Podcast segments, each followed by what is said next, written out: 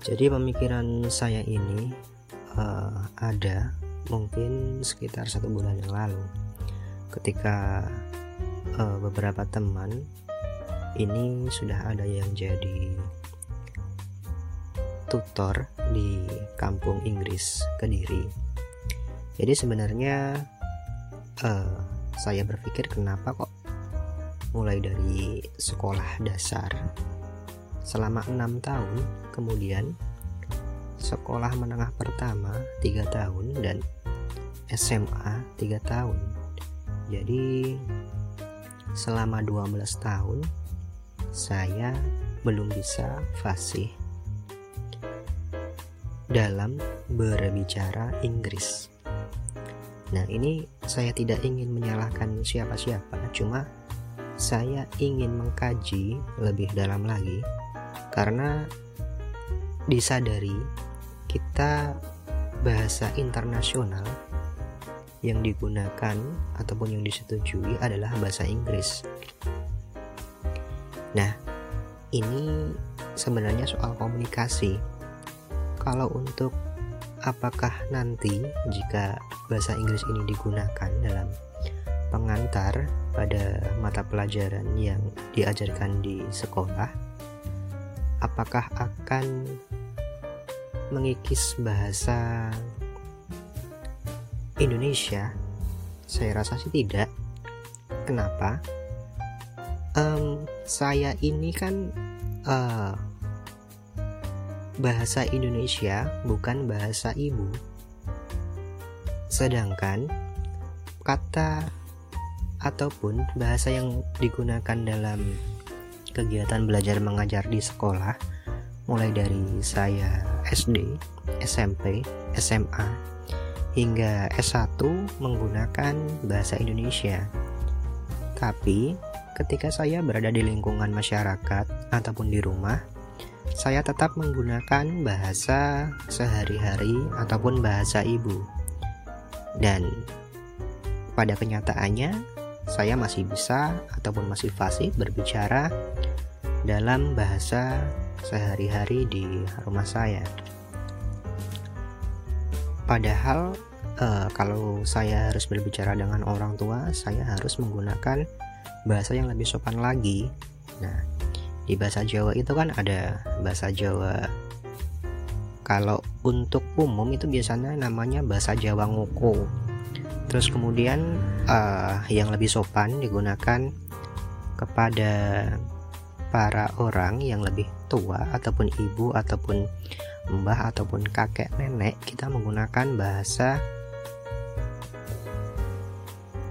namanya kromo inggil ataupun kromo halus. Meskipun saya tidak uh, selalu menggunakan ataupun selalu mendapatkan pengajaran terkait bahasa Jawa uh, leveling tersebut, tapi saya masih bisa menerapkannya di lingkungan saya. Ya, mungkin karena bahasa itu bisa kita pelajari dari habit ataupun kebiasaan yang kita lakukan setiap hari. Uh, ketika mungkin saya berada di kelas 1 akan sulit mungkin uh, apa namanya mengikuti pelajaran bahasa Inggris. Karena memang uh, dahulu itu kan saya tidak TK jadi saya langsung uh, masuk SD uh, mungkin akan sulit untuk mengikuti ketika ada pelajaran bahasa Inggris. Uh, namun uh, ketika kita grade ataupun kelasnya sudah naik begitu uh, sebaiknya sih ataupun dari pemikiran saya lebih baik uh, diajarkan bahasa Inggris kenapa Uh, yang pertama, uh, mungkin akan meningkatkan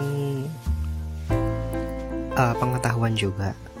Jadi nanti ketika uh, apa kelas bertambah lagi juga akan bertambah pula pelajaran yang akan uh, kita terima. Ya artinya memang ketika kita tidak menganggap bahwasanya bahasa Inggris itu adalah sebagai suatu beban uh, kita bisa menerima dengan enjoy seperti itu. Ketika apa namanya uh, para pengajar menggunakan bahasa Inggris sebagai habit ataupun kebiasaan murid murid-murid juga mungkin bisa terbiasa seperti itu.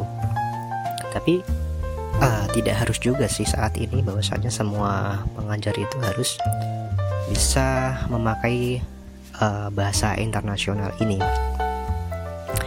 Uh, cuma mungkin kita bisa belajar dari pengalaman ini sehingga uh, kita bisa bersaing. Karena kita tahu sendiri pada era saat ini adalah era keterbukaan di mana beda dari uh, 10 tahun yang lalu. Mungkin internet tidak seramai ini. Sehingga model-model pekerjaan yang uh, seperti remote ataupun kita kerja dari Indonesia sedangkan perusahaan kita ataupun nama kita itu tercantum di misal uh, di negara Australia, Inggris ataupun yang lainnya. Jadi kita tetap bisa bekerja secara daring dari rumah, namun kita bekerja di perusahaan luar negeri seperti itu. Nah, dari sini kita tahu bahwasanya komunikasi yang dipakai untuk bekerja itu kan juga bukan bahasa Indonesia. Jadi paling tidak hal dasar yang kita harus bisa untuk um, berada di perusahaan-perusahaan yang mungkin tidak ada di Indonesia itu adalah soal bahasa. Nah, ketika kita bisa menguasai bahasa Inggris dari mulai dasar dan bahasa Inggris dijadikan sebagai uh, habit ataupun um, kebiasaan kita di sekolah mungkin akan lebih mempermudah kita nantinya untuk menjangkau hal-hal yang uh, mungkin kita bisa jangkau lebih um, jauh lagi dan kita juga tahu bahwa saat ini Indonesia sedang uh, berada dalam yang namanya bonus demografi di mana angka pekerja yang produktif itu lebih banyak daripada yang tidak produktif. Nah, dari sini sebenarnya kita bisa mengukur sendiri apakah kita butuh uh, kemampuan berbahasa Inggris atau tidak. Yang kalau saya pikirkan sih harusnya butuh.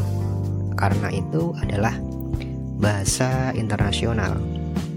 Jadi uh, sebaiknya ataupun um, ke depan baiknya sih kita bisa menggunakan bahasa kedua selain bahasa Indonesia di pengantar-pengantar mata pelajaran yang ada di sekolah menggunakan bahasa Inggris. Dan ketika uh, pertanyaan lagi apakah itu akan menggantikan bahasa Indonesia saya rasa tidak. Karena apa? Karena uh, ketika kita kembali ke kehidupan di luar sekolah, kita juga akan memakai bahasa ibu kita. Artinya, ketika kita di lingkungan, ketika kita kembali ke rumah, orang Jawa akan memakai bahasa Jawa, orang Sunda akan memakai bahasa Sunda, orang Batak akan memakai bahasa Batak dan seterusnya. Jadi, um, artinya tidak akan mengubah apa pun malah kita mungkin akan bisa bersaing di kehidupan yang lebih uh, luas di era yang modern ini dan serba teknologi itulah yang mungkin berseliweran di dalam pikiran saya terkait kenapa kok saya mulai dari SD sampai lulus S1 itu gak mampu secara fasih ngomong bahasa Inggris. Nah mungkin dari pikiran ini bisa dikomentari teman-teman agar ketika ada salah bisa dibenarkan ketika ada yang um, kurang bisa dibenarkan juga jadi bisa menjadikan koreksi bersama-sama sehingga kita bisa lebih maju ke depan untuk masyarakat tentunya. Demikian podcast di episode kali ini. Sampai ketemu lagi di podcast episode selanjutnya. Wassalamualaikum warahmatullahi wabarakatuh.